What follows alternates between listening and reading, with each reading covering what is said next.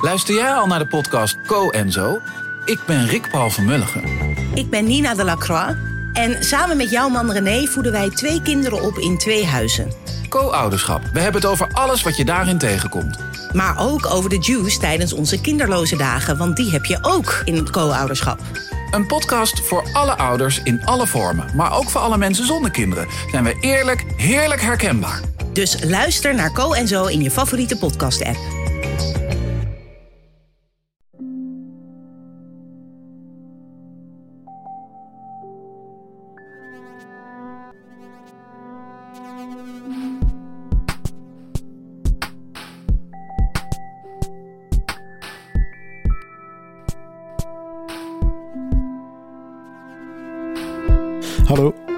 Van Relaas. In Relaas hoor je waar gebeurde verhalen en die worden verteld door de mensen die ze zelf hebben meegemaakt. Welkom in 2020. Op een jaar vol mooie verhalen. Op een jaar waarin Relaas vijf jaar bestaat. Dat is nu al in maart. En we hebben een aantal ambitieuze plannen die we de komende weken stuk voor stuk uit de doeken willen doen. Onze eerste ambitie is om tegen onze verjaardag in maart 1 miljoen luisteraars te halen. Daar kan jij ons bij helpen door deze podcast cadeau te doen als nieuwjaarscadeautje. Doe er een strik rond en stuur de link rond naar al jouw vrienden. En ik zal het nu al zeggen, jouw vrienden, dat zijn de beste van de hele wereld. Ja, ook jij, jij mooie dame. En jij, lieve meneer, wat zijn jullie mooie vrienden? We halen in de eerste week van 2020 enkele oude verhalen van onder het stof. Ze hebben deze week allemaal een link met het spreekwoord: De appel valt niet ver van de boom. Het is aan jou nu om telkens de link te zoeken. Soms ligt hij heel hard voor de hand, maar soms moet je ook iets dieper naast die appelboom graven om hem te ontdekken. Here we go. We gaan terug naar de bakermat van Nathalie, met een verhaal uit augustus 2015. Op een warme zomerdag, ergens in de verre uithoek van West-Vlaanderen, trok Nathalie het podium op. Tijdens de poëziezomer van Watou.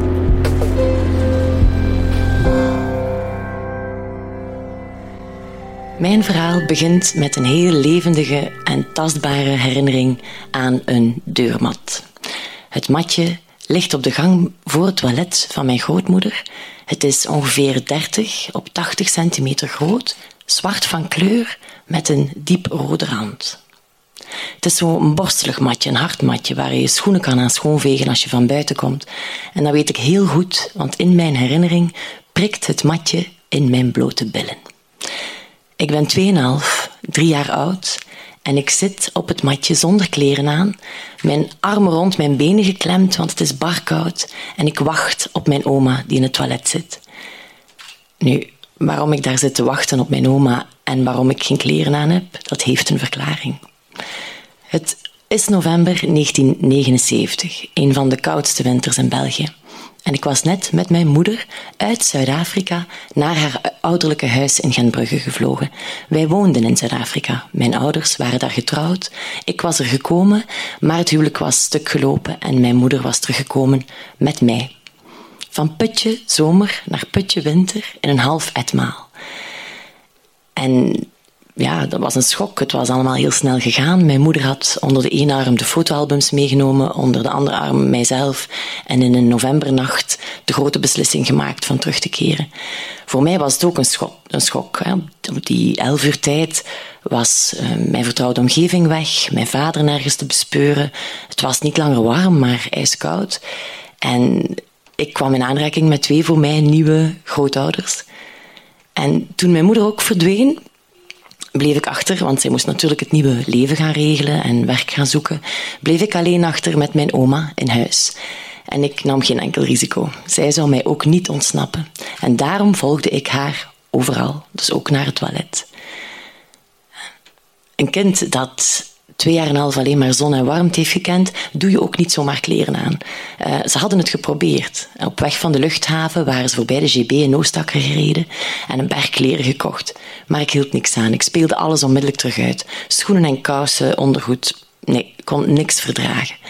En dat is ja, dat ook wel een bijkomstigheid, want ik was een sociaal kind en als de bel ging, dan liep ik heel snel naar de deur en deed de deur open vol verwachting, maar steeds stevast naakt. Een, schitterend verhaal op familiefeesten, vooral als je zo in de puberteit begint te komen, denkt allez, daar gaan we weer. Maar um, dat was dus het verhaal en ik zit en dat is een ongelooflijk sterke herinnering. Ik zit op dat matje, ik voel de koude van die gang, de tocht die onder die deur binnenkomt, het prikken van het matje in mijn billen. Ik hoor het toilet. En de tijd staat even stil. Ja, vind dat heel fascinerend hoe dat gaat met jeugdherinneringen. Sommige dingen herinner je niet. De vliegreis op 2,5, dat moet toch ongelooflijk indrukwekkend geweest zijn. Nee, geen herinnering van. Maar dat moment, dat moet toch een, ja, een schakelmoment geweest zijn. Of een moment van stress of verwachting of een schok. Maar ja, ik kwam de schok te boven, wij allemaal. Kinderen zijn ook ontzettend flexibel. En ik leerde Nederlands praten. Ik leerde intens houden van mijn twee grootouders. En ja, ik leerde ook kleren dragen. Ik heb het nog een beetje lastig met schoenen, maar dat is onder controle. Ik was een heel sociaal kind. Ik paste mij gemakkelijk aan. Ik ging heel graag naar school, waar ik honderd uit praatte. En ik trok de aandacht van de juffen eh, van de andere klassen. Die kwamen luisteren naar mijn Afrikaans. Ben ik jammer genoeg een beetje verleerd, maar ik heb het terug opgepikt. Um, mijn moeder was mijn alles en is dat nog steeds. Um, en mijn vader begon ik in mijn jeugdjaren te romantiseren als de jager in Zuid-Afrika. Die woonde tussen de giraffen en de olifanten. En met zijn geweer iedereen wel een keer een lesje zou komen leren. Wie ze niet bij zou lastigvallen. Hij had een groot huis met een groot zwembad en hij was rijk. En oh, ik had de droomvader. Toen ik dertien was, vertelde mijn moeder mij voor het slapen gaan het hele verhaal. Hoe zij verliefd werd op de tram van Melle naar Gent, hem beschaamd en verlegen van achter haar wimpers aankeek en bewonderde, hoe ze elkaar beter leerden kennen, hoe hij op zijn achttiende besloot om zijn legerdienst niet te doen, te deserteren en te emigreren naar Zuid-Afrika hoe mijn moeder, na een intense briefwisseling van een paar jaar, besloot van hem achterna te gaan. Zij was toen 19 jaar en het was 1970. Mijn oma heeft daar in een deupjeske gestoken, haar afgezet op de luchthaven om de liefde na te jagen. Stel je voor. Ze vertelde mij ook dat het sprookje niet is uitgedraaid zoals het had gedroomd. Dat het een heel moeilijk uh, land, een complex land was, waar je als expat uh, moet overleven of integreren. En dat ze er jammer genoeg ook niet was in geslaagd om hem van de fles weg te houden. Dat was voor mij nieuwe informatie. Het wierp een volledig nieuw licht op mijn verhaal, maar de nieuwsgierigheid om hem te, te leren kennen bleef. Ik heb hem een paar keer gehoord. Hij is, ik denk, één keer naar België gekomen toen ik tien was. Ik denk voor de begrafenis van zijn grootvader. Hij belde af en toe en we zijn beginnen schrijven, maar dat was het contact. En ik moet eerlijk zeggen, als hij de telefoon opnam om mij te bellen, dan had hij zich wel al een beetje moed moeten indrinken. En ik vond het niet altijd fijn om met hem te praten. Dus ik wou eigenlijk gewoon er naartoe gaan en meer te weten komen. Toen ik theaterwetenschappen ging gaan studeren aan de Universiteit van Gent, zocht en vond ik dus die manier om hem beter te leren kennen. Ik verdiepte mij in het Zuid-Afrikaans theater, meer bepaald in het Afrikaanstalige theater, en ontdekte er zo Dion Opperman. Dion Opperman um, schreef en schrijft nog altijd Afrikaanstalig theater en ik besloot mijn thesis te gaan wijden aan zijn werken in de jaren tachtig. Omdat ik het heel interessant vond om te ontdekken wat een Afrikaner theatermaker schrijft in volle apartheid, in de taal van de onderdrukker. Bleek dat hij er meester in was van personages van verschillende strekkingen, links, rechts, progressief, uh, conservatief, en generaties, de oma, de vader, de zoon, uh, bij elkaar te brengen en die te laten discussiëren over de werkelijkheid. En op die manier schilderde hij de, ja, de vaak zwart-wit weergegeven realiteit van apartheid op een andere manier af, ging op zoek, deed hij aan zelf- en gewetensonderzoek en um, probeerde het zo een beetje te verklaren ook, wat er allemaal was gebeurd. In elk geval bemachtigde ik zo een beurs om in 1999 twee maanden naar Zuid-Afrika te gaan. Uh, ik was 22 Um, ik ging er alleen naartoe, maar ik kon verblijven in Johannesburg bij een academische kennis van mijn moeder, Anton. Um, ik hoopte vanuit Johannesburg de tocht te maken naar Duivelskloof. En Duivelskloof was het dorp waar mijn vader toen woonde, met zijn nieuwe vrouw en twee dochters, mijn twee halfzussen, Moja en Marieke. Maar eerst was er dus Johannesburg en Anton. En ook dat is een, een herinnering die ik zo voor de geest kan halen. Na elf uur op een vliegtuig bouwt de spanning ook al op. Ik denk, dat je zintuigen heel scherp komen te staan. Je beseft wat er eigenlijk te wachten staat, wat je eigenlijk aan het doen bent. Um, en die anticipatie leidt er wel toe dat je ja, heel scherp in die luchthaven inkomhal toekomt. En ik zie dus Anton nog op mij afkomen. Er stevend een man, een grote man met verwaaid haar, recht op mij af met uitgestoken hand. Hij heeft iets weg van een verwaaide professor. Warrig haar, een bril die hij om de haverklap zijn neusbrug opduwt en een snor die zijn immer goed lachse bovenlip verbergt. In zijn andere hand heeft hij zo'n ja, een tasje dat om zijn pols bengelt. En hij begroet me in het Nederlands, want dat is de taal die hij verder wil oefenen. En als hij begint te praten, bemerk ik dat hij heel zacht slist. Ja, en als ik daaraan denk, moet ik nog altijd glimlachen. Hè? Um, en ik ben daar en ik besef, ik, ik, besef het niet op dat moment, dat ik dus een gouden toegangsticket in handen heb. Anton neemt mij mee naar huis, introduceert mij in zijn vriendenkring, in zijn professionele wereld. En ik leer dus een cultuur echt van binnenuit kennen. Um, ik besef nu pas hoe uitzonderlijk dat dat is. En ik besef ook dat dat voor mij altijd de manier is om een streek of een land te leren kennen van, door de ogen van mensen die er wonen en leven. Um, ja, en hij woont niet in het centrum van Johannesburg, maar in de rand, in een opkomende buitenwijk op dat moment, Melville. Een beetje met al zijn restaurantjes en galerijtjes, een, een broeinest van kunstenaars, zowel blank als zwart. En die eerste avond, denk quasi recht van het vliegtuig, neemt hij mij al mee eh, naar een traditie die de rode draad zou worden in mijn tocht. Hij nam mij mee voor een sundowner. En dan moet ik even uitleggen. Zuid-Afrika bengelt aan de onderkant van de wereld. En hoewel het er warm en heet is, staat de zon altijd heel scheef. En het gekke is dat de zon daar dus ook heel snel ondergaat. Tussen half zes en half zeven is het gebeurd, ongeacht de seizoenen, ongeacht de plek waar je je bevindt in het land.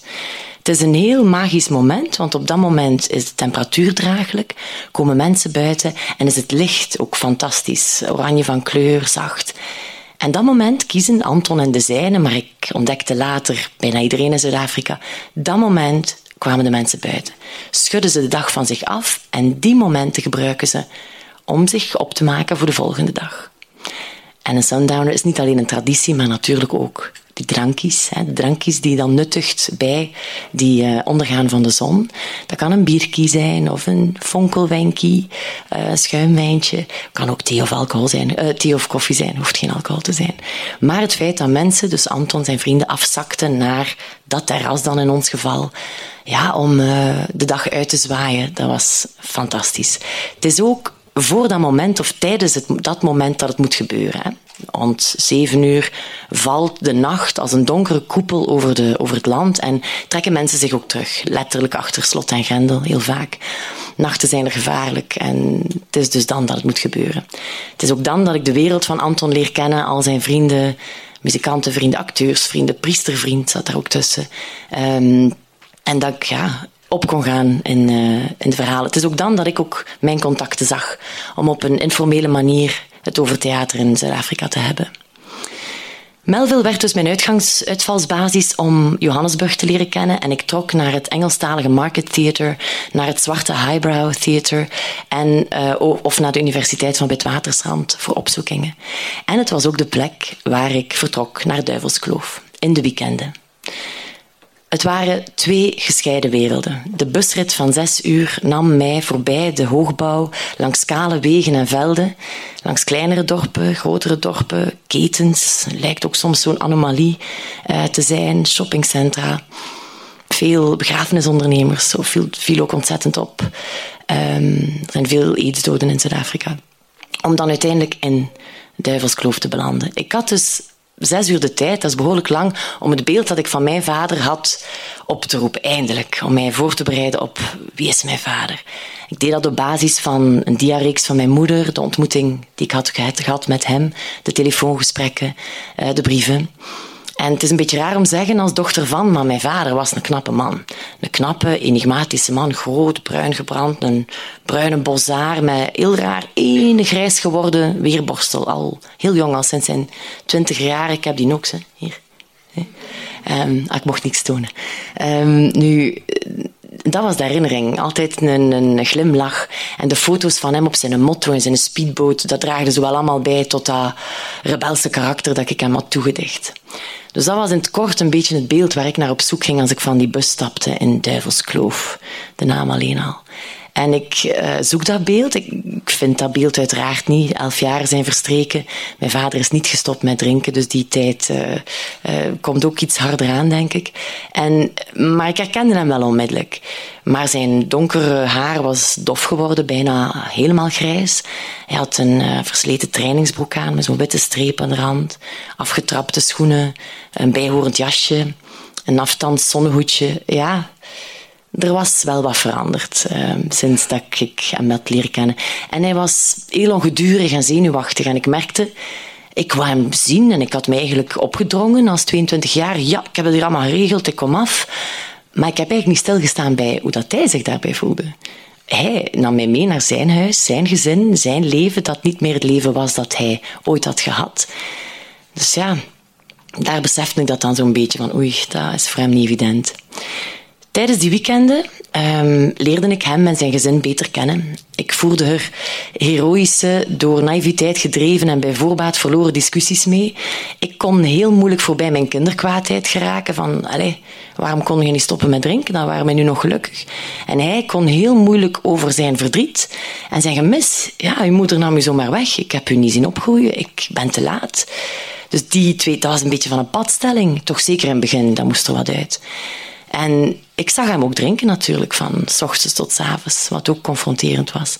Dat eerste pintje altijd maar uitstellend. Hè, zo van lang mogelijk niet, zo lang mogelijk nuchter zijn om toch te praten met, met de dochter. En zo weet ik dat hij mij om, of zo herinner ik mij, dat hij mij om half zes uit mijn bed kwam halen. Dat is ontiegelijk vroeg. Uh, maar iedereen is dan ook al wakker om met een hond te gaan wandelen. Om echt dat moment te hebben van, oké, nu kunnen we praten. Maar ja, de eerste stop bij de buren kregen we al geen gewone koffie, maar een Irish koffie.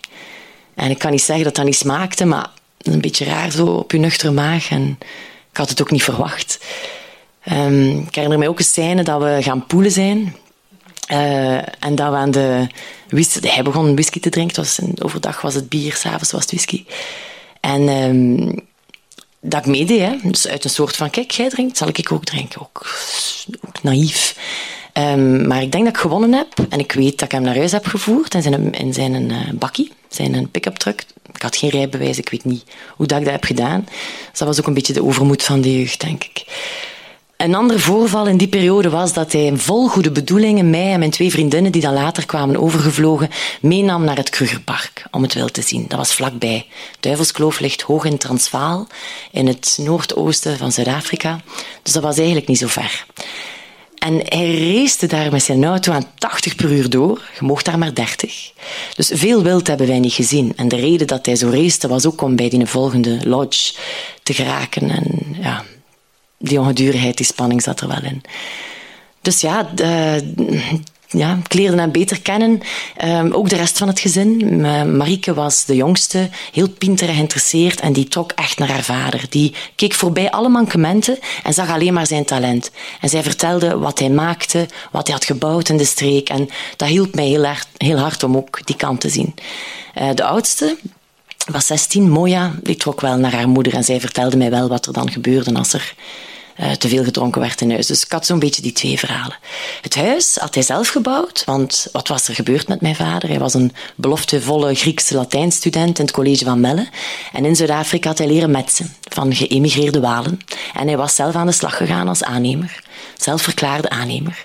Hij heeft scholen gebouwd, bruggen, uh, hospitalen, uh, allemaal van zijn hand. Dus hij boerde ook heel goed. Dan heeft hij een landbouwbedrijf gehad. Um, 14 camions. Ik herinner me nog de foto's van een echt een welvarend gezin. En toen mislukte er één oogst en nog een oogst en nog een oogst. En hij was dan maar terug aan het aannemen gegaan. Maar het huis in mijn ogen was vervallen. Het zwembad dat hij zelf had uitgegraven en met mozaïek had afgewerkt, was leeg. Uh, de pintjes waren goedkoop, de whisky ook. Dus het gezin had echt wel betere tijden gekend. Het waren heel intense weekenden. En ik was eigenlijk blij dat ik na dat weekend terug kon naar Johannesburg, terug de bus op, terug in de stad en terug naar de Sundowner. Die plek, die rust, waar ik dat allemaal kon verwerken, even binnen kon nemen, uh, mijn, de plaats van mijn vader verplaatsen ook. Praten met Anton, of niet praten, daar gewoon zitten schrijven. Uh, of niet schrijven en gewoon naar de zon kijken. um, was altijd een verademing. Want die twee maanden, hoe dat gedraaid of keert, was zo'n tweeledige zoektocht, persoonlijk en professioneel. Ontzettend veel geleerd. En de rode draad was die Sundowner en Anton. Anton die als gids mij op die twee paden heel kundig heeft begeleid. Hoe dat volslagen vreemden beste vrienden kunnen worden, hè, door delen van een verhaal of een belevenis. En wat ik ook heb geleerd, is dat iedereen zijn verhaal heeft. Mijn verhaal is niet uniek. Um, iedereen heeft zo wel iets meegemaakt, of is zijn ouders vroeg verloren, of heeft een broer of zus verloren. We hebben allemaal onze littekens, maar dat, door stil te staan, door daarover te praten, door die momenten te nemen, dat dat eigenlijk moet kunnen en dat je daar ook de positieve kanten van leert zien. Zo heb ik voor mezelf leren ja, ontdekt dat ik ja, ben een heel sociaal mens geworden. ben opgegroeid zonder vader, broers of zussen, maar heel sociaal. Ik draag mijn vrienden en familie op handen. En door verder te kijken naar wat mijn vader heeft gemaakt en geschreven, heb ik ook ontdekt wat ons bindt. Dus ik ben ja, een, gelukkig mens hoor. Ja. Um, om het verhaal af te maken, zes jaar na die twee maanden krijg ik een mailtje dat mijn vader gestorven was. Um, aan de gevolgen van overmatig alcoholgebruik was hij in zijn slaap gestorven. En ik wist onmiddellijk, ik moet gaan. Ik moet dat afronden, want dat was veel te vroeg. Hij was 56 jaar. Ik had echt nog gehoopt van terug te gaan. Een beetje ouder, een beetje wijzer, een beetje minder impulsief misschien. Een beetje minder begaan met mijzelf, misschien met mijn twee zonen, die nooit een grootvader hebben leren kennen. Dus dat was jammer. Dus ik ben het vliegtuig erop gestapt, terug alleen naar Zuid-Afrika. En Anton stond mij niet op het vliegveld op te wachten. Hij had een, afspraak, ja, moeilijk ook. Hè. Maar ik wist inmiddels de weg en ik uh, ging naar Melville. En als bij wonder was het ongeveer half zes. En ik ging gaan zitten aan een tafeltje. Ik bestelde een witte wijn. En ik nam die tijd, alweer die tijd, om de sluis te laten opengaan waarlangs ik alle emoties kon laten wegvloeien. En ik deed daar en dan de kracht op om mij voor te bereiden op wat komen zou. Het bezoek aan het lijkhuisje, het zien van mijn vader, het ontbreken van de frons tussen zijn wenkbrauwen, de ongeziene rust die dat gezicht uitstraalde, gelukkig. De ontmoeting van alle bizarre vrienden rond mijn vader, het terugzien van mijn twee halfzussen die jong volwassen zijn op dat moment de ben, ben gaan logeren bij de buren die mij als baby hebben gekend. Enfin, tot het zien zakken van die eenvoudige kist in die rode aarde. En ik wacht. En ik weet, Anton komt. Ik zit daar en ik moet ongelooflijk hard terugdenken aan dat matje in de gang van mijn grootmoeder.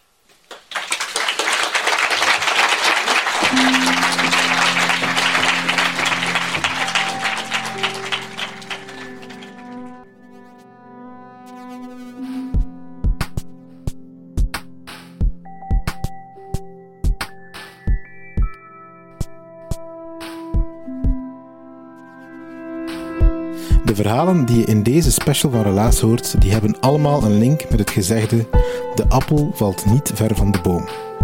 En zo ook het verhaal van Axel, dat de heel gepaste titel kreeg De vele laatste dagen van Axel. Hij vertelde het in Antwerpen in maart van 2018 op het o zo gezellige podium van een Hopzak.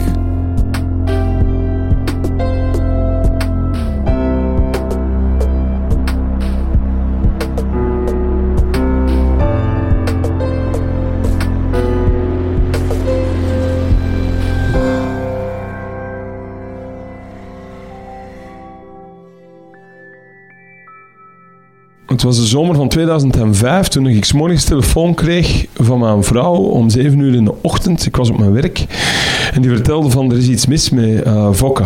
Fokke, dat is um, mijn vader, hè, zoals bij jullie.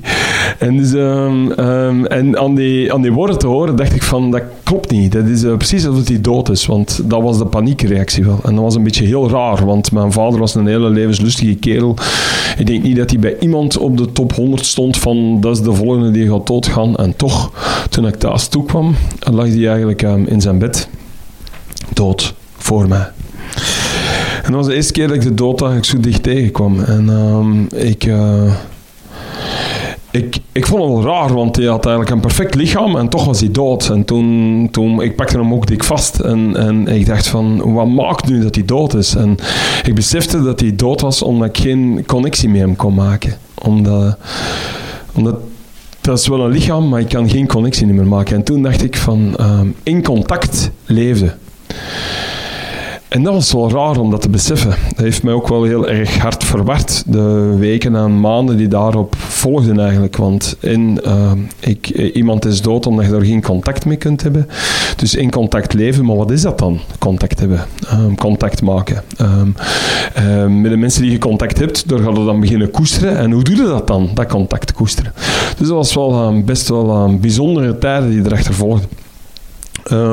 mijn vader die had hartaderbreuk een beetje een stomme term eigenlijk, hartouderbreuk. Want dat is een beetje abstract, want wat is dat eigenlijk, hartouderbreuk? Dat is heel moeilijk te vatten. En in die zin was ik best wel kritisch. En ik dacht van, weet je wat, mijn vader dood, ik ga mezelf als zoon toch eens laten onderzoeken. En bij een geluk kwam ik in 2008 in uh, het USA hier, in een universitair ziekenhuis. En ik liet mij onderzoeken en ik had prijs. Ik heb het Brugada-syndroom. En het Brugada-syndroom, dat wil zeggen dat je um, op een, um, van de ene moment op de andere een ritmestoornis maakt, je hart gaat fibrilleren en je gaat dood neervallen. En zei, weet wat, we gaan dat voor zijn. niet, we gaan dat niet voor zijn, maar we gaan u wel helpen. We gaan u een parachute geven eigenlijk. Je krijgt een defibrillator ingeplant. Dus ik kreeg in 2008 kreeg een defibrillator ingeplant en ik werd plots hartpatiënt. Ook een beetje zot, hè? want van de ene dag op de andere is het hartpatiënt. En wat is dat dan, hartpatiënt? Maar goed. En dus ik dacht van, mijn vader, 59, op dat moment ben ik 34. Eh, dan denk ik, ik heb nog wel een tijd te gaan. Hè? Ik ga er nog lang niet aan zijn. En toch, anderhalf jaar later, s morgens om vijf uur, op weg naar mijn werk. En ik zit op dat moment eigenlijk toevallig als passagier in de auto. En op weg naar mijn werk draait plots de wereld dicht. Droogte van DAF in geel krijg van die zwarte... Alles wordt zwart en ik krijg eigenlijk uh, een paar droombeelden. En een beetje later, ik voel eigenlijk misschien nog wel een shock. En een beetje later kom ik terug bij. Tien seconden later of zo. En dat is het moment dat ik eigenlijk voor de eerste keer dood ging. Dat is een beetje zot eigenlijk. En dus ik kom eigenlijk op mijn werk en ik ben wel een beetje van mijn apropos. En ik laat dat ook wel aan mijn uh, vrouw weten en die komt me ook halen. En we vertellen dat tegen mijn moeder, wat best wel emotioneel is, want ze is haar vent eigenlijk kwijtgespeeld en nu haar zoon eigenlijk ook. Maar goed, er zit iets voor, maar allee, komt toch wel binnen. En ik kom uh, in het ziekenhuis en ik zal het wel geweten hebben eigenlijk dat ik dood was, want uh, die, uh, die arts die zegt, ja, je hebt wel een beetje kans gehad, hè, want was deze shock of wel zes plankjes rond je lijf. Nu, als ze dat zo drie keer in de vlotte zeggen op 20 minuten, dan weten we wel dat je een beetje kans gehad hebt. Hè? Kom s'avonds in een lijst in mijn dorp en ik zie de mensen eigenlijk aan de kassa staan en ik bij mijn eigen, maar allee, wat stonden jullie eigenlijk te doen? Ik was wel dood en ik merkte dat de wereld eigenlijk gewoon verder gaat. Wat ik ook wel besefte is, zo doodgaan is best wel een eenzame bedoeling. Je bent best wel alleen. Allee, zo, hoe dat je dan ook wel in contact kunt leven met iedereen, maar als het dan finaal doodgaan is, is het toch wel best wel heel alleen zijn, dat doodgaan. Of heel alleen gebeuren. En toen dacht ik van ja, maar wacht eens even, wacht eens even. Dat ik nu alleen leef hè, en ik moet vertrekken vanuit mezelf. Wat zit ik hier dan elke dag te leven volgens de normen en de waarden van iedereen? Want ik was eigenlijk toch dood. Dus misschien moet ik wel eens gaan kijken van wat zijn mijn normen en waarden en hoe leef ik dan juist eigenlijk? En ik krijg zo plots wel een soort van vrijgeleide om daarin te gaan grasdanen. Gaf ik mezelf, denk ik, die vrijgeleide. De mensen, mensen verstonden dan nog wel zo die verwarring. Drie maanden, vier maanden later ga ik in één keer terug onderdoor. Mijn vrouw moet mij reanimeren. Um, ik heb drie shocks nodig om er door te komen. Dus dat wil zeggen dat ik 42 seconden weg ben. Een ambulance is onderweg. De ambulance uh, neemt mij ook mee. En op dat moment besefte eigenlijk van oké, die procedures beginnen te lopen. En dat is eigenlijk ook... Allee, mijn apparaat heeft drie shocks nodig gehad om er mij door te halen. En ik kom er eigenlijk vrij clean door. En dat is ook een heel raar iets. Zo'n defibrillator in je lijf, dat maakt het eigenlijk zo proper als het maar zijn kan. Want wat er eigenlijk dient te gebeuren is dat als ik er zo onderdoor ga, dan um, hoort er eigenlijk een ambulance te komen of er horen mensen nu te reanimeren. En dan gaan we, ofwel ze dood, hè, omdat de hulp te laat komt.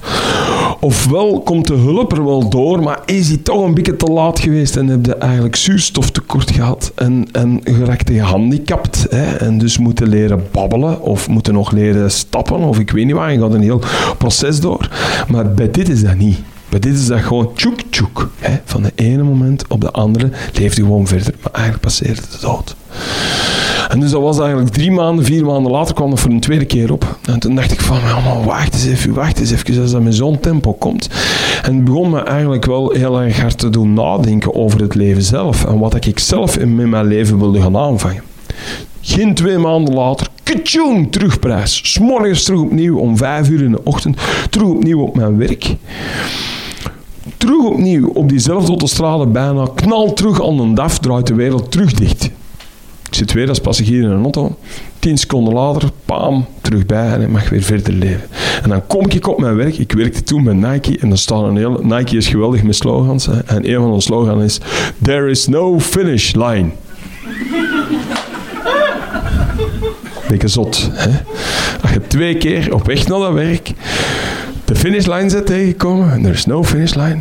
Toen dacht ik bij mijn eigen, maar wacht eens even, Axel, wacht eens even. Als je een herkansing krijgt in je leven, om verder te leven. En er zijn mensen die zo slim zijn dat die dat ding in hun lijf steken. En er is, er is een maatschappij die eigenlijk voor je zorgen. Dan moeten misschien, als je toch mocht verder leven, moeten misschien ook wel iets teruggeven aan die maatschappij. En gaat dan gewoon in je talenten en in je krachten en in je ervaring staan, maar engageert u dan in dingen die eigenlijk antwoorden geven aan de problematieken die in de maatschappij eigenlijk gangbaar zijn. En dan ben ik eigenlijk rustig beginnen kijken. En dan dacht ik ook van, daar bij Nike zit ik eigenlijk in een box, wat weg van de wereld. Ik wil ook wel wat in de wereld gaan staan. Dus ik ben gaan kijken en dan ben ik uiteindelijk hier in Antwerpen terechtgekomen en ben ik langdurige werklozen aan het werk gaan zetten en ben ik eigenlijk gaan werken rond mobiliteit ook. Dus in een fietsproject met langdurige werklozen. Daar heb ik vijf jaar eigenlijk uh, een trekkersolo in gespeeld. En ik vond dat wel fijn, want dan kon ik eigenlijk die, die, die refugees zo meenemen in hoe dat het is om Vlaming te zijn. Hè. En welke regeltjes dat ze dan moeten volgen. En toch langs de andere kant dat ook wel een beetje relativeren eigenlijk. En kon ik er toch wat mee verzorgen dat die een thuis hebben. En konden we er ook wel mee gaan kijken en kritisch gaan kijken rond de mobiliteit hier. En dat was voor mij wel... Um, en uh, uh, hier begon ik wel um, een soort rust te vinden. Een rust in, in mijn zoeken, vertrekkend van wat de dood was. En wat ik eigenlijk merkte was van, maar podori, ik kom eigenlijk dichter bij mezelf terecht. En dat is eigenlijk maar goed ook, want we gingen naar Music for Life en ik stap die bus op terug van Music for Life. Uh, ik, stap die, ik, ik, ik uh, moet ook wel zeggen, het feit dat ik zo drie keer eronder doorga op een half jaar tijd, niet wetend wanneer dat gebeurt, dacht ik bij mijn eigen, ik mag officieel wel met een auto rijden. Allee, zo drie maanden aan een shock toch. Maar ik, uh, ik dacht, ik ga uit je auto blijven. Dus ik ga nimmer met een auto rijden. Ik ga mijn leven zo organiseren dat ik dat risico niet pak, dat ik in één keer achter het stuur van een auto eronderuit ga. En ik ga eigenlijk met een fiets beginnen rijden. Ik kan het openbaar vervoer pakken en met de fiets rijden. En door met de fiets te rijden ben ik ook in, in, intenser het weer tegengekomen en de omgeving tegengekomen. Ik kom de lente tegen, ik kom de, de winter tegen, ik kom de zomer tegen, ik ruik de bloesems, ik hoor de vogeltjes. En dat op zich is dat eigenlijk geweldig. Hè? Want anders zal ik gewoon achter mijn stuur in een auto en je zit al met die muziek en dat is ook allemaal wel tof. Maar dat is toch een ander soort van intensiteit en een ander soort van leven. Dus ik was eigenlijk wel blij dat ik um, al zo ver geëvolueerd was kom ik eigenlijk um, um, van Music for Life. En ja, ik was er niet met een auto, dus ik stap eigenlijk de bus op. En op die bus ik er terug onderdoor. Mijn zoon is daarmee een vriendje bij, dus ik kom terug opnieuw bij. Ik heb eigenlijk ook niet een besef van... Ik heb die shock op dat moment ook niet meer gevoeld, of niet gevoeld. Dus ik heb ook niet een besef van, was dat nu of was dat zo niet? Dus mijn zoon zegt, papa, je maakt toch wel een beetje een raar geluid. Ik zeg, ja, ging dat dan zo en zo? Ja, toch wel precies. Ik zeg, ik denk dat ik prijs heb gehad, jongen. Dus ja, in ieder geval, als je de volgende naar het ziekenhuis gaat, dan lees dat. En inderdaad, je eigenlijk prijs gehad. En toen dacht ik bij mijn eigen, maar wacht eens even, wacht eens even. Krijg ik terug herkansen. En eigenlijk moet ik mij misschien nog wat fine-tunen. Nog wat meer fine-tunen. Anderhalf jaar later krijg ik terug opnieuw een shock. Um, zittend in een vergadering eigenlijk met mijn collega's. En toen dacht ik van ja, maar weet wat, ik, um, ik heb hier eigenlijk wel, ik weet niet over geluk. Ik ben eigenlijk de chanceur die mag verder leven. Er zijn eigenlijk een hoop mensen die, um, die die chance niet hebben. Die niet op tijd een defibrillator hebben gekregen. En dus heb ik mezelf als, als, als doel gesteld van oké Axel, misschien moeten we je verhaal eigenlijk wel ehm, mensen proberen te raken. En vanuit dat raken mensen motiveren om te leren reanimeren. Dat als er iemand rond hun, nu hier, neervalt, en pas op, ik heb het onlangs voor gehad. Dat was een beetje, een beetje aan patant. Dat was uh, bij een bakker. Pas op, ik heb een bakker twee keer voor gehad. Ik denk dat die dames die erachter werken, dat die er een beetje te goed uitzien. Hè. En dat die mannen dan, je moet daar wachten. En, die, en keer, viel er een voor mij neer. Drie, drie voor mij. En één keer lag die. Ik dacht, shit Axel, jij met je grote woorden. Hier ligt hij nu. Gelukkig kwam die mens na drie, vier seconden wel bij. Had ik daar even een chance. Maar toen besefte ik eigenlijk hoe belangrijk dat het is dat we dat gewoon in onze reflexen moeten hebben. En dan denk ik bij mijn eigen, uh, laat me dat maar als opdracht stellen. Vertrekkend vanuit mijn verhaal, mensen raken, om mensen te motiveren om te leren reanimeren. Want op dat moment maakte eigenlijk het verschil tussen leven en dood. Op dat moment maakte ook het verschil tussen of dat iemand nog een comfortabel leven gaat hebben of eigenlijk geen comfortabel leven gaat hebben. Je moet daar een beetje even de held uit hangen, maar, ehm, maar het maakt wel een verschil van leven of niet leven. En dan denk ik, als al die mensen die die geluk niet gehad hebben, zoals mijn vader, maar ook heel veel andere mensen, um, om geen defibrillator te hebben. En die krijgen eigenlijk wel kans om, uh, om toch te mogen verder leven. Hè? Om toch nog een beetje te komen meeleven. Dan zou die die nogal gulzig leven, denk ik. En dat is, denk ik, dat is ook wat ik mijzelf wel als opdracht gegeven heb. Ah, niet als opdracht, maar dat, is, dat gebeurt eigenlijk van nature. Dat je, als je dan moogt verder leven, dat je dan leven dan eigenlijk ook wel omarmt. En in die zin mag ik wel eens af en toe de dood tegenkomen. En leef ik dat wat in beperking, omdat mijn mobiliteit niet eigenlijk alles niet meer toelaat. Maar langs de andere kant omarm ik mijn leven ook wel. Ehm, omdat het mij ook wel zo rijk maakt. En omdat het mij eigenlijk wel zoveel nuances en zoveel diepgang geeft. En dat is denk ik wat ik ook wel um, wilde delen. Hoe dat het perspectief van de dood eigenlijk uh, het leven wel ontzettend mooi maakt. Bedankt.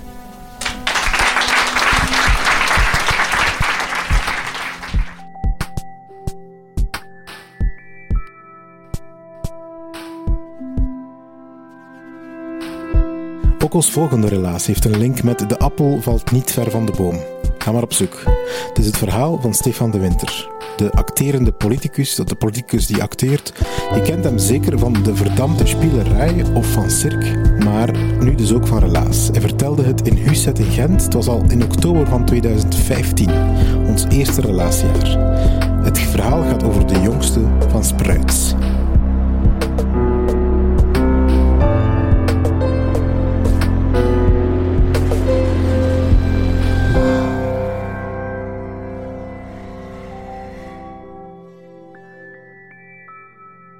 Goedenavond, ik ben Stefan. Ik ben opgegroeid in Iedergem. Iedergem ligt onder Aalst en net voor Nienhoven. Al waar het glooiende landschap langzaam overgaat naar het vlakke. Ietske verder de Denderop, een deelgemeente van Denderleeuw. Iedergem, kleine parochie, alwaar ik van het ras de winter, wat mijn achternaam is, een gevolg ben. Maar dat wordt dan in die soort parochies, die zodanig klein zijn, omdat ze enkel gebaseerd zijn op een zestal families, ben ik de jongste van Spruit.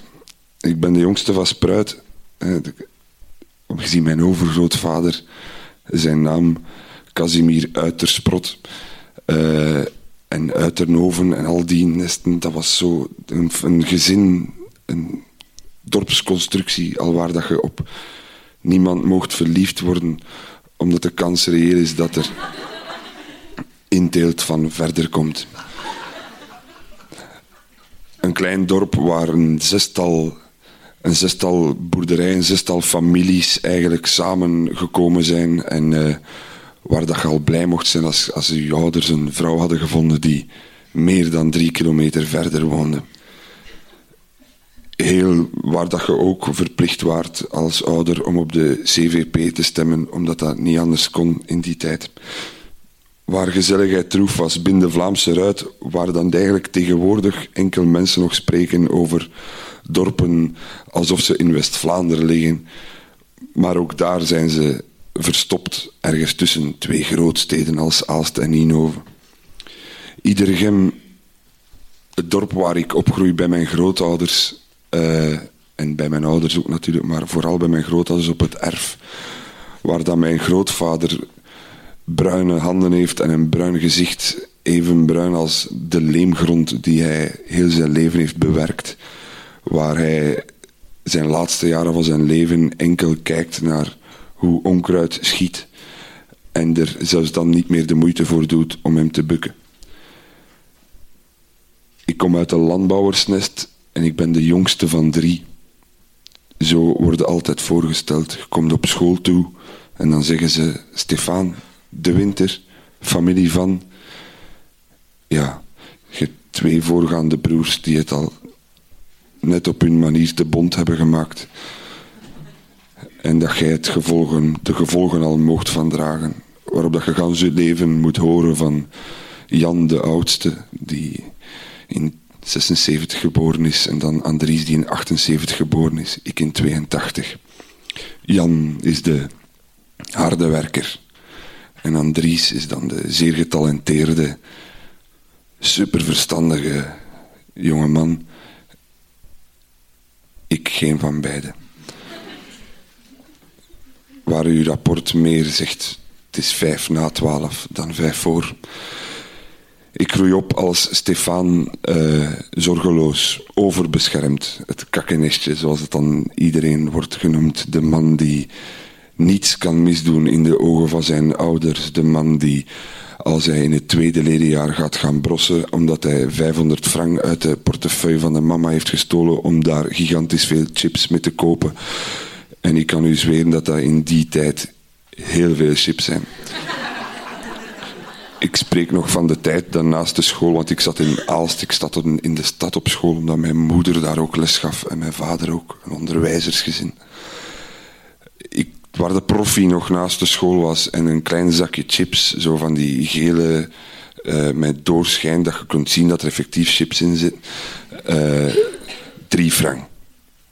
Kon er niet voor sukkelen. Dus om 500 frank chips is veel je wordt opgepakt door de leerkracht. Opgepakt klinkt agressiever dan het is, omdat we de weg al kwijt waren naar het parkje waar we gingen picknicken. Waarop dat je eigenlijk een dief zet en gebrost zet. En waarop dat uw vader dan super kwaad wordt de directeur en zegt van, we zijn godsnaam mogelijk dat hij is buiten geraakt. En dat jij eigenlijk als de held weer wordt ontvangen. Zo een verwend nest ben je. Verwend nest dat dan evolueert en dat dan ook nadenkt van hoe komt dat dat je zo verwend bent. In het platteland waar ik opgroeide kon er eigenlijk niets gebeuren. Overal waar dat je rondliep kende iedereen nu. Ah, het is de jongste vastprooid. Eigenlijk als ze bij ons zo mooi zeggen. Je moet altijd langs een hoek passeren waar dan café de K-boys naast de, de duiven, sportmannen zitten en iedereen elkaar kent waar lichten, waar het een fenomeen was waar wij allemaal ons verzamelden toen de eerste verkeerslichten in het dorp werden geplaatst. Zo. En die waren dan aan de mis, want eh, de mis woonde daar. De mis was ooit nog verkozen als een, een, echte mis. En, en zat twee broers ook. Waarover mijn grootmoeder dan zei, ze godverdomme deel van de parochie gepakt. Maar ze is nou toch nog alleen, wat in mooi Nederlands wil zeggen dat ze menig man in bezoek heeft gekregen, maar toch alleen overschiet tussen haar broers. Waarop mijn grootmoeder waarschijnlijk, de, mijn grootmoeder die aan het einde van haar leven enkel nog sprak in zegswijzen, zei, de mis, dat was een, als je niet schoon zet van God, moet je eraan doen van de pot. Goed. Ik probeer enkel maar te illustreren hoe volks en klein mijn mijn leefwereld was, al waar ik uh, in alle beschermingen opgroeide. Het ergste wat er kan gebeuren was in de prikkeldraad vallen, waar ik ook menige littekens van heb trouwens, uh, die ik u zal sparen.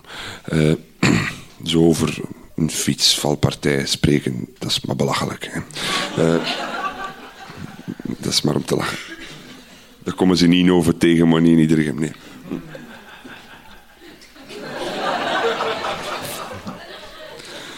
Nee, ik ben, uh, de jongste van drie. En uh, ik ben nu 32 jaar. En langzaamaan besef ik dat ik niet de jongste ben van drie, maar die van vier. Mijn leven is eigenlijk een aaneenreiging van prachtige dingen. Ik ben ongelooflijk optimistisch en energiek. En ik hou er ook van om, om, om volledig te gaan en te leven. Ook al was ik altijd te hard beschermd door mijn ouders, die mij te hard wouden inkapselen en onder een stolp zetten, zoals de Maria-beelden en de heilige Antionis, die ook op de, op de schouw staan. Hier niet, hè. Ja, moet ik zie u kijken, bij ons thuis. Ja. Zo werd ik beschermd. En ik kon niets misdoen en, en ik mocht ook niet veel. Ik ben op mijn, tot mijn 18 jaar werd ik opgehaald op 12, 12 uur. Want uh, alleen werken mocht. Als ik in de horeca werkte, dan mocht dat tot 6 uur s morgens en dan kon er geen kwaad van. Maar als het voor uit te gaan was om 12 uur thuis en in de neus van vader uitademen. Niet te dicht en seksueel, maar gewoon voor de geur van de adem of hij al niet naar bier zou rieken. Uh, dit geheel terzijde. Ik ben opgegroeid en een van de leukste momenten was bij ons Allerheiligen. Dat was een super tof moment. Mijn vader was naast zijn job als leerkracht ook uh, tuinarchitect in bijberoep. Een uh, niet beschermd bijberoep, waardoor hij ook daar niet zoveel werk in had. Zeker niet in tijden waar iedereen blij was met sparren en een mooi vlak gazon. Hij verdiepte zich dan in het bloemschikken, uh, zoals hij daar ook fantastisch in was. En dan is de glorieperiode voor elke man die aan bloemschikken doet, al.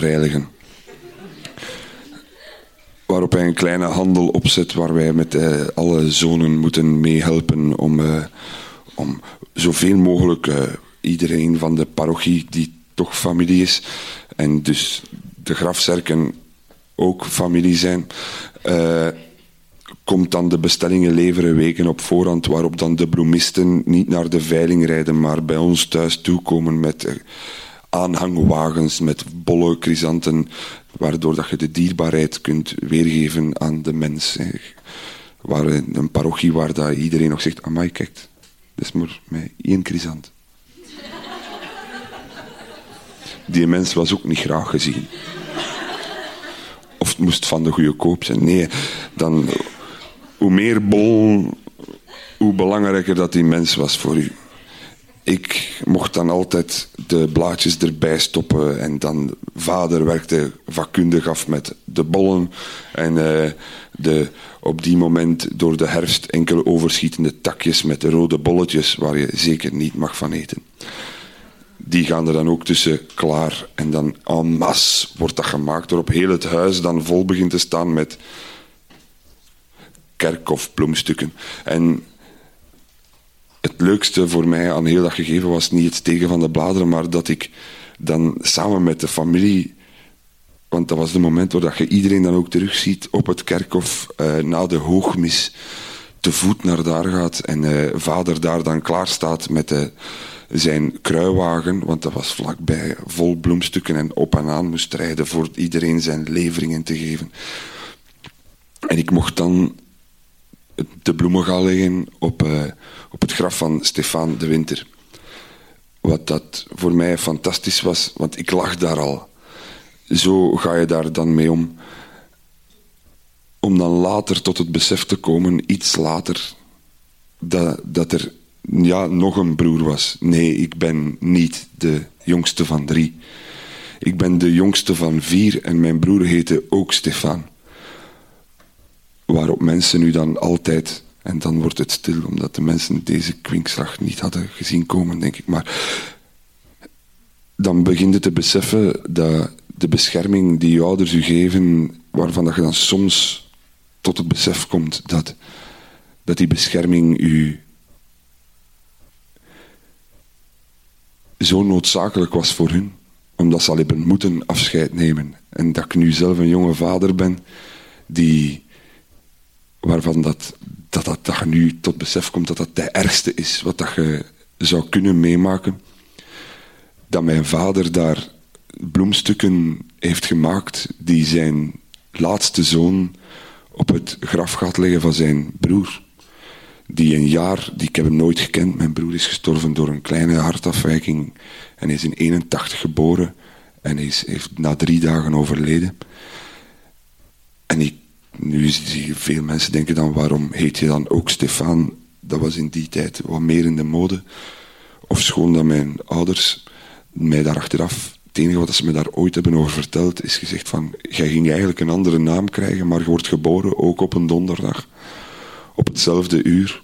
En je hebt dezelfde lengte, dezelfde hoofdomtrek, dezelfde kleur van haar, dezelfde kleur van ogen. Alsof het een exacte kopie is die gewoon zoveel maanden later toekomt. En dan word ik de naam gegeven Stefan. Iets wat je op je 12, 13 jaar niet kunt plaatsen, maar dat je dan op je 16 al iets meer kunt plaatsen. En het rare wat het dan meebrengt is dat je in je leven daar verder voortdurend mee geconfronteerd wordt van ik ben niet de jongste van drie, maar die van vier.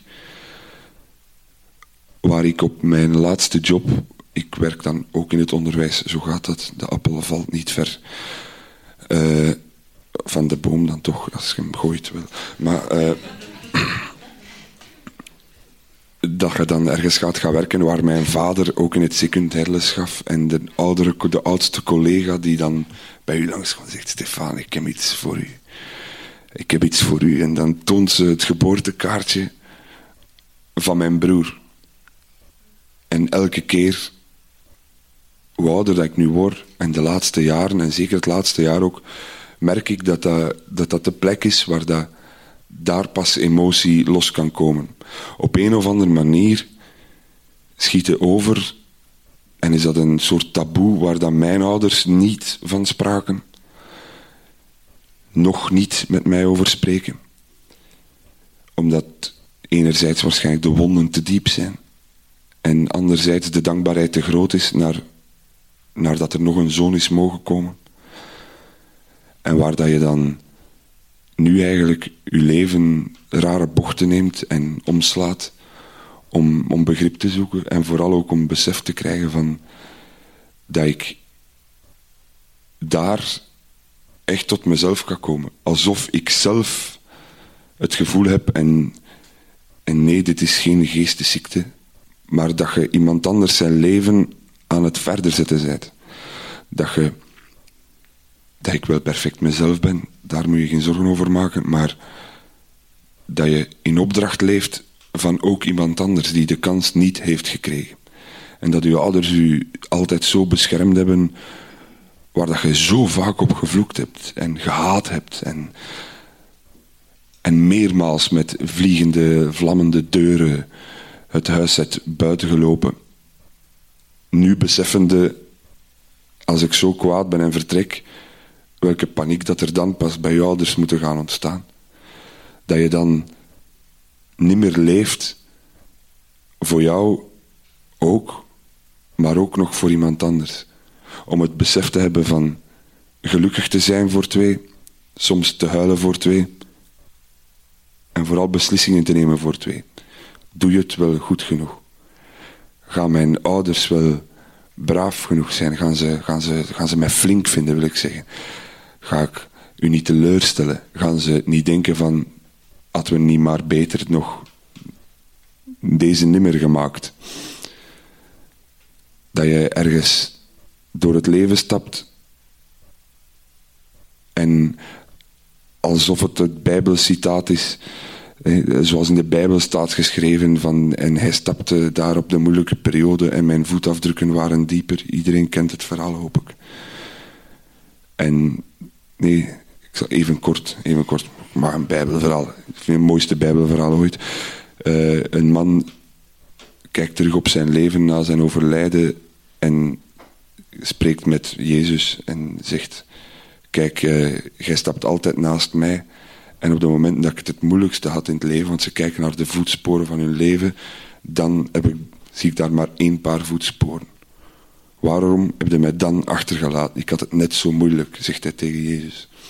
Waarop hij zegt, het is daar dat ik u gedragen heb. schoon. Maar ik hoef daar geen uitleg bij te geven. Onze lieve neer deed dat zelf al. Uh, nee, waardoor dat je ook... Ik geloof, en ik vind dat fijn om te geloven, omdat me dat ergens wel inspireert. En iedereen gelooft wel. En vooral zij die zeggen dat ze dat niet doen. Ben ik van mening, maar.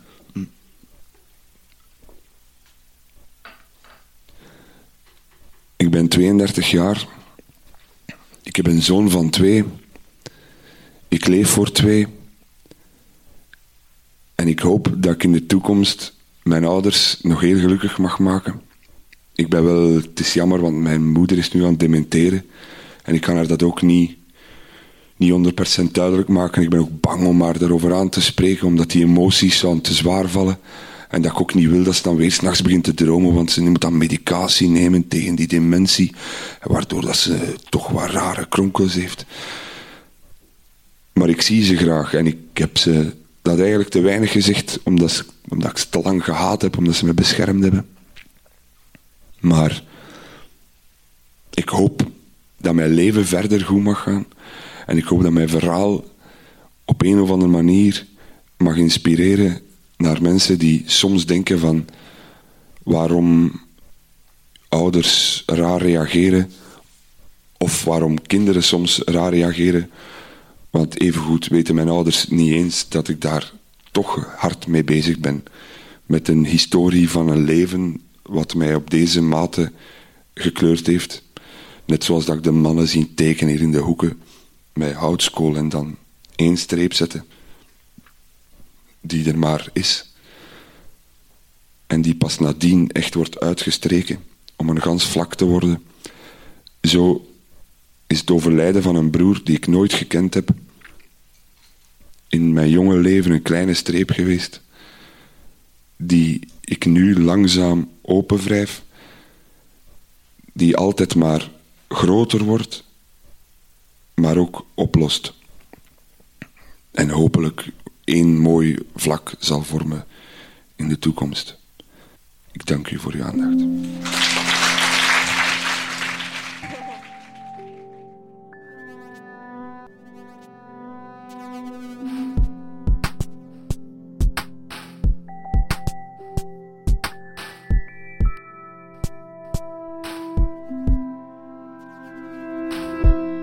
Dit is een podcast, dus die mag gerust langer dan een uurtje duren, toch? We willen jullie de brief van Thijs niet onthouden. Het was een verhaal dat Thijs vertelde op de allereerste vertelavond van Relaas in Antwerpen in juni van 2017. Ook hier valt de appel niet ver van de boom.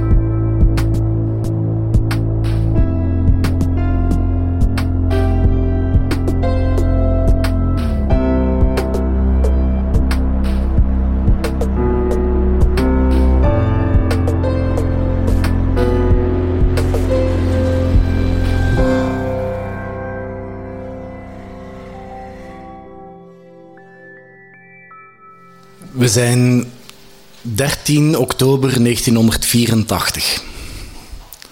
Ik ben bijna zes. En in het huis waar wij wonen is geen centrale verwarming.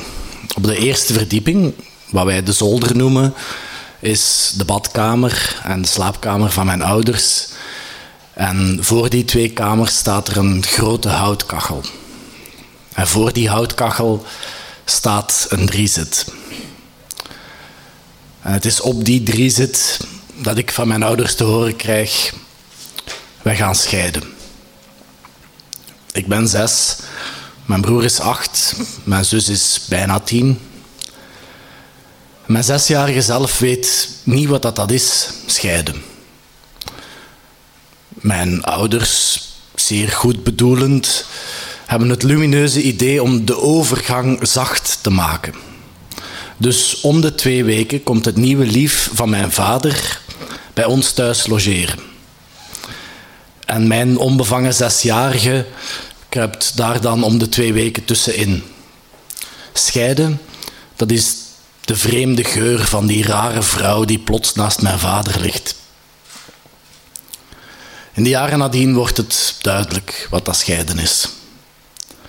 Scheiden, dat is om de twee weken met je broer en je zus naar je vader gaan in de Heilige Geeststraat in Sint-Pietersrode, waar hij verbouwt. Mijn vader had met zijn nieuwe vrouw een huis gekocht dat volledig moest verbouwd worden. En dus om de twee weken gingen wij naar een werf. Als ik mijn vader wilde zien, dan moest ik tijd doorbrengen op de werf. Ik zag hem metsen, ik zag hem meubels maken, ik zag hem elektriciteit en riolering leggen. En ik leerde ondertussen ongeveer heel het repertoire aan Radio 2 weekendprogramma's kennen. Wat dat mij op dat moment nog volkomen vreemd was. Maar op een of andere manier, op de werf moest er altijd Radio 2 op staan. Zijn nieuwe vrouw kon geen kinderen krijgen. En ze kreeg het ook steeds moeilijker met zijn kinderen. Dus ongeveer acht jaar later kreeg hij de keuze. Kies je voor jouw kinderen of kies je voor mij? Mijn vader was gelukkig niet alleen handig, maar ook verstandig en koos dus voor ons. Hij voegde de daad bij het woord, sliep vanaf dat moment op een matje in zijn bureau zocht een nieuw huis. Op dat moment was ik ongeveer veertien. Kurt Cobain had net zelfmoord gepleegd. En mijn vader vond een huis in Leuven en ik begon onmiddellijk met co-ouderschap. Dat huis was al quasi af. Mijn vader en ik woonden eigenlijk meer samen als kotgenoten dan als vader en zoon. En zeker toen mijn zus en broer even later ook echt het huis uit waren, hadden we letterlijk het kot voor ons alleen. Dus mijn vader belde mij dan als hij van zijn werk ging komen van hey Thijs, wat zal ik eh, vanavond klaarmaken? En dan ging hij naar de winkel en dan kon ik koken. We deden samen de was. Ik was in de jaren daarvoor opgegroeid tot een ongelooflijk lastig kind. Een kind dat heel veel aandacht nodig had, heel veel aandacht vroeg. Dat eigenlijk niet geweldig lekker in zijn vel zat. Maar gelukkig had ik onderweg de gitaar leren kennen als uitlaatklep en kon ik songs schrijven en had ik een band, of meer dan één band zelfs. En bij mijn vader thuis had ik een repetitiekot. Dus toen ik van het middelbaar af was en ging verder studeren, was de logische volgorde: ik blijf bij het repetitiekot, de wasmachine en de auto voor de deur. Het heeft mij nog behoorlijk wat jaren gekost om bij die vader weg te geraken opnieuw. Intussen had ik ook een telefoontje gekregen van mijn moeder dat ze per ongeluk mijn slaapkamer thuis had afgebroken. Maar op zich vond ik dat wel oké. Dat, dat paste wel in het plaatje, want de zolder was nu terug een volledige open zolder met in plaats van kamers gewoon één grote open ruimte. Na verloop van tijd ben ik dan toch verhuisd. Ben in Brussel gaan wonen, waar ik op dat moment ook werkte. En het was in Brussel, in de Nieuwstraat, in de McDonald's, dat ik telefoon kreeg. Mijn vader belde en het toeval wilde, het was geen toeval, het was al lang gepland.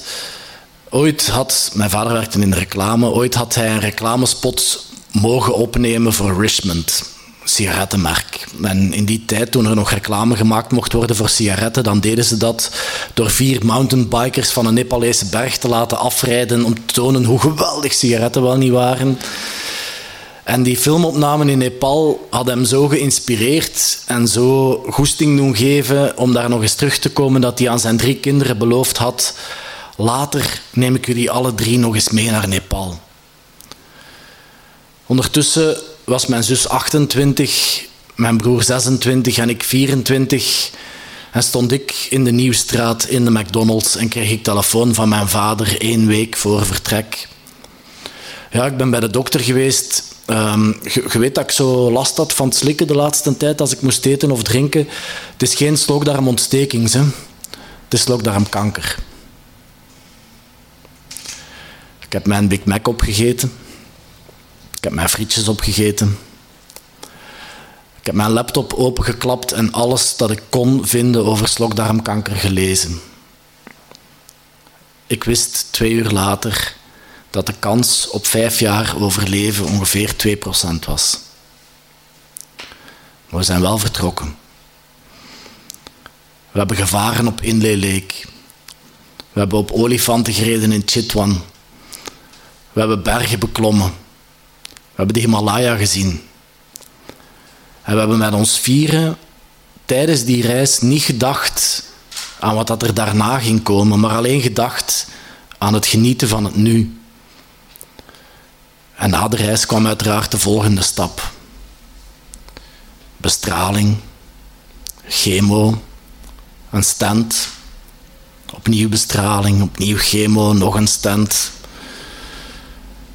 Tot het moment dat papa zei: Ik ga stoppen met vechten.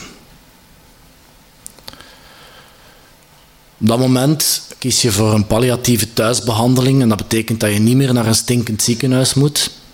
En dat betekent dat je gewoon thuis een ziekenhuisbed krijgt in je living. En dat er twee keer per dag iemand langskomt met wat hij dan noemde, ah mijn biefstukken zijn daar. Dat was dan 2000 kilocalorieën in een zak die via infuus werd toegediend, want eten en drinken kon hij toch niet meer. Maar hij wist wel veel van eten en drinken. Mijn vader was eigenlijk een notoire bon vivant. En op het moment dat hij koos voor palliatieve behandeling, heeft hij gezegd: oh, Ik ga geen wijn niet meer kopen. We gaan proberen om mijn kelder leeg te drinken. Dat was een uitdaging. Zolang dat papa ziek was, hoe beter dat de wijn werd. Want ook al kon hij niet meer drinken, hij vond het wel fijn dat zijn vrienden en zijn familie en zijn kennissen die thuis langskwamen, dat die goede wijn konden drinken. Net zoals dat hij het fijn vond om te zeggen van, oh, gaan we vandaag nog een keer avocado met garnalen eten.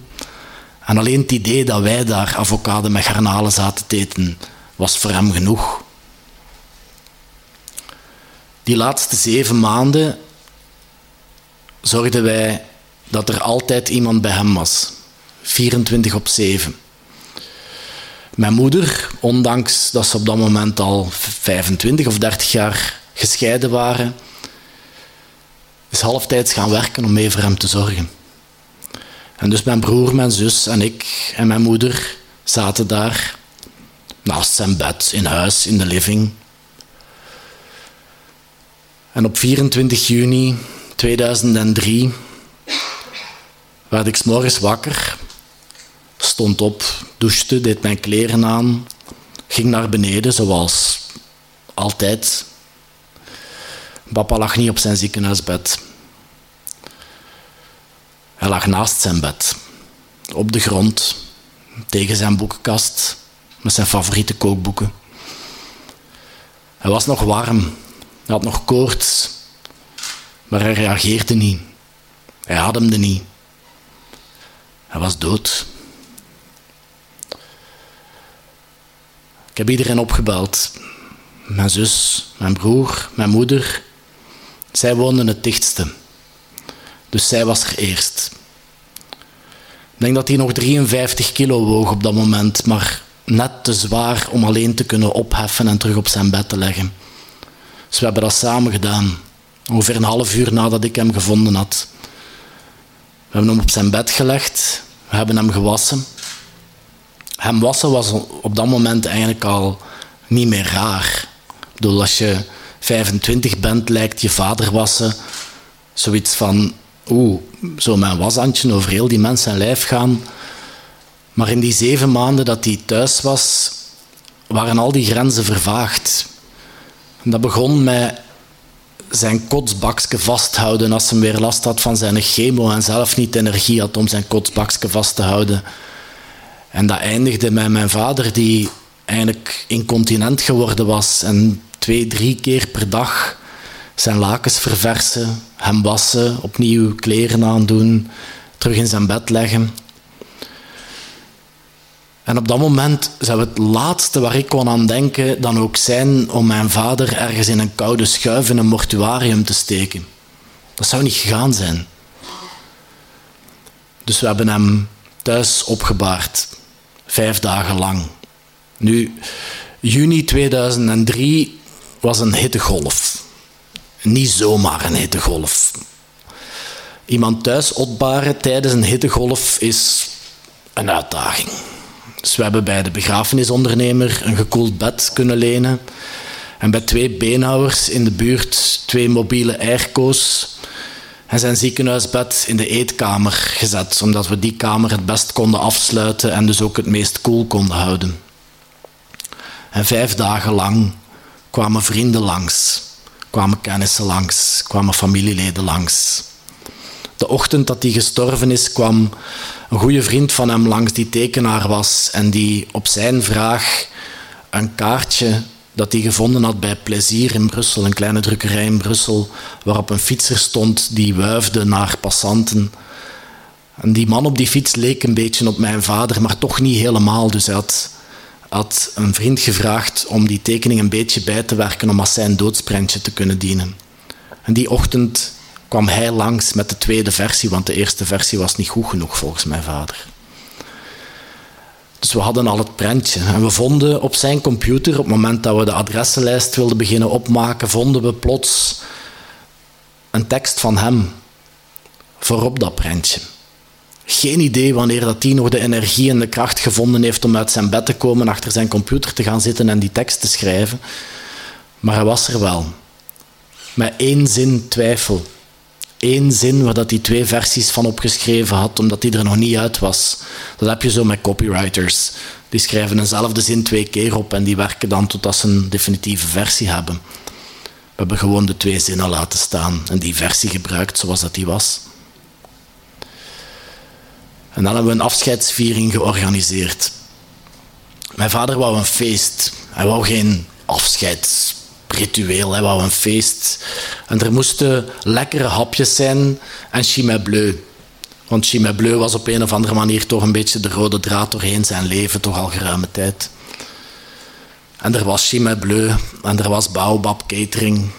En de cateringfirma belde dan met de vraag van ja, normaal gezien dragen wij oranje schorten, is dat een probleem voor jullie? Want we hebben nog nooit een begrafenis gedaan.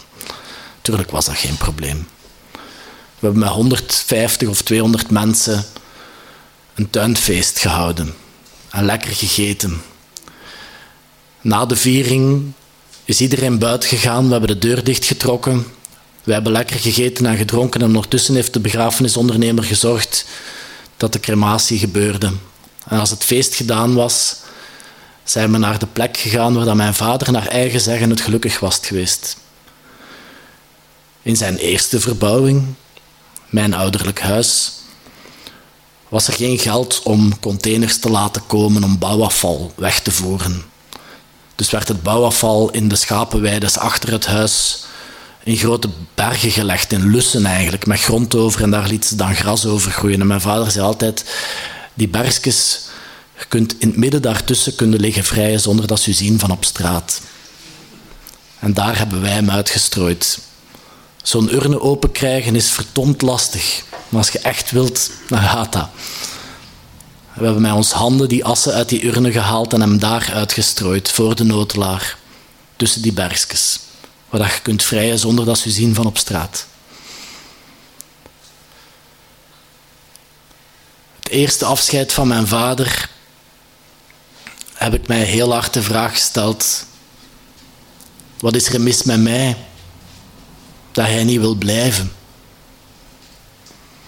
Ondertussen 25 moest ik mij die vraag niet meer stellen. Dat was meer de vraag: wat is er mis met de wereld dat hij niet mag blijven? In de tussentijd, sinds toen en nu, heb ik zelf kinderen gekregen. Zelf een huis gekocht dat volledig moest verbouwd worden. En een paar jaar geleden zelf aan de eettafel gezeten met mijn twee zonen en de boodschap: wij gaan scheiden. Ik zou nooit gewild hebben dat de zesjarige zelf van mijn oudste zoon of de driejarige zelf van mijn jongste zoon zich de vraag zouden moeten stellen: ben ik dan niet de moeite waard om te blijven? Oké, ik heb ondertussen een nieuw huis dat ik ook aan het verbouwen ben. Maar in die één week op twee dat zij bij mij zijn, wordt er heel weinig verbouwd. En als er één ding is dat ik mijn kinderen wil meegeven, dan is het de boodschap die bij mijn 38-jarige zelf van mijn vader het meest is blijven hangen. Stel geluk nooit uit. Leef nu, geniet nu, spaar niet alles op voor later, want je weet niet hoeveel later er nog komt, maar geniet nu. Merci papa.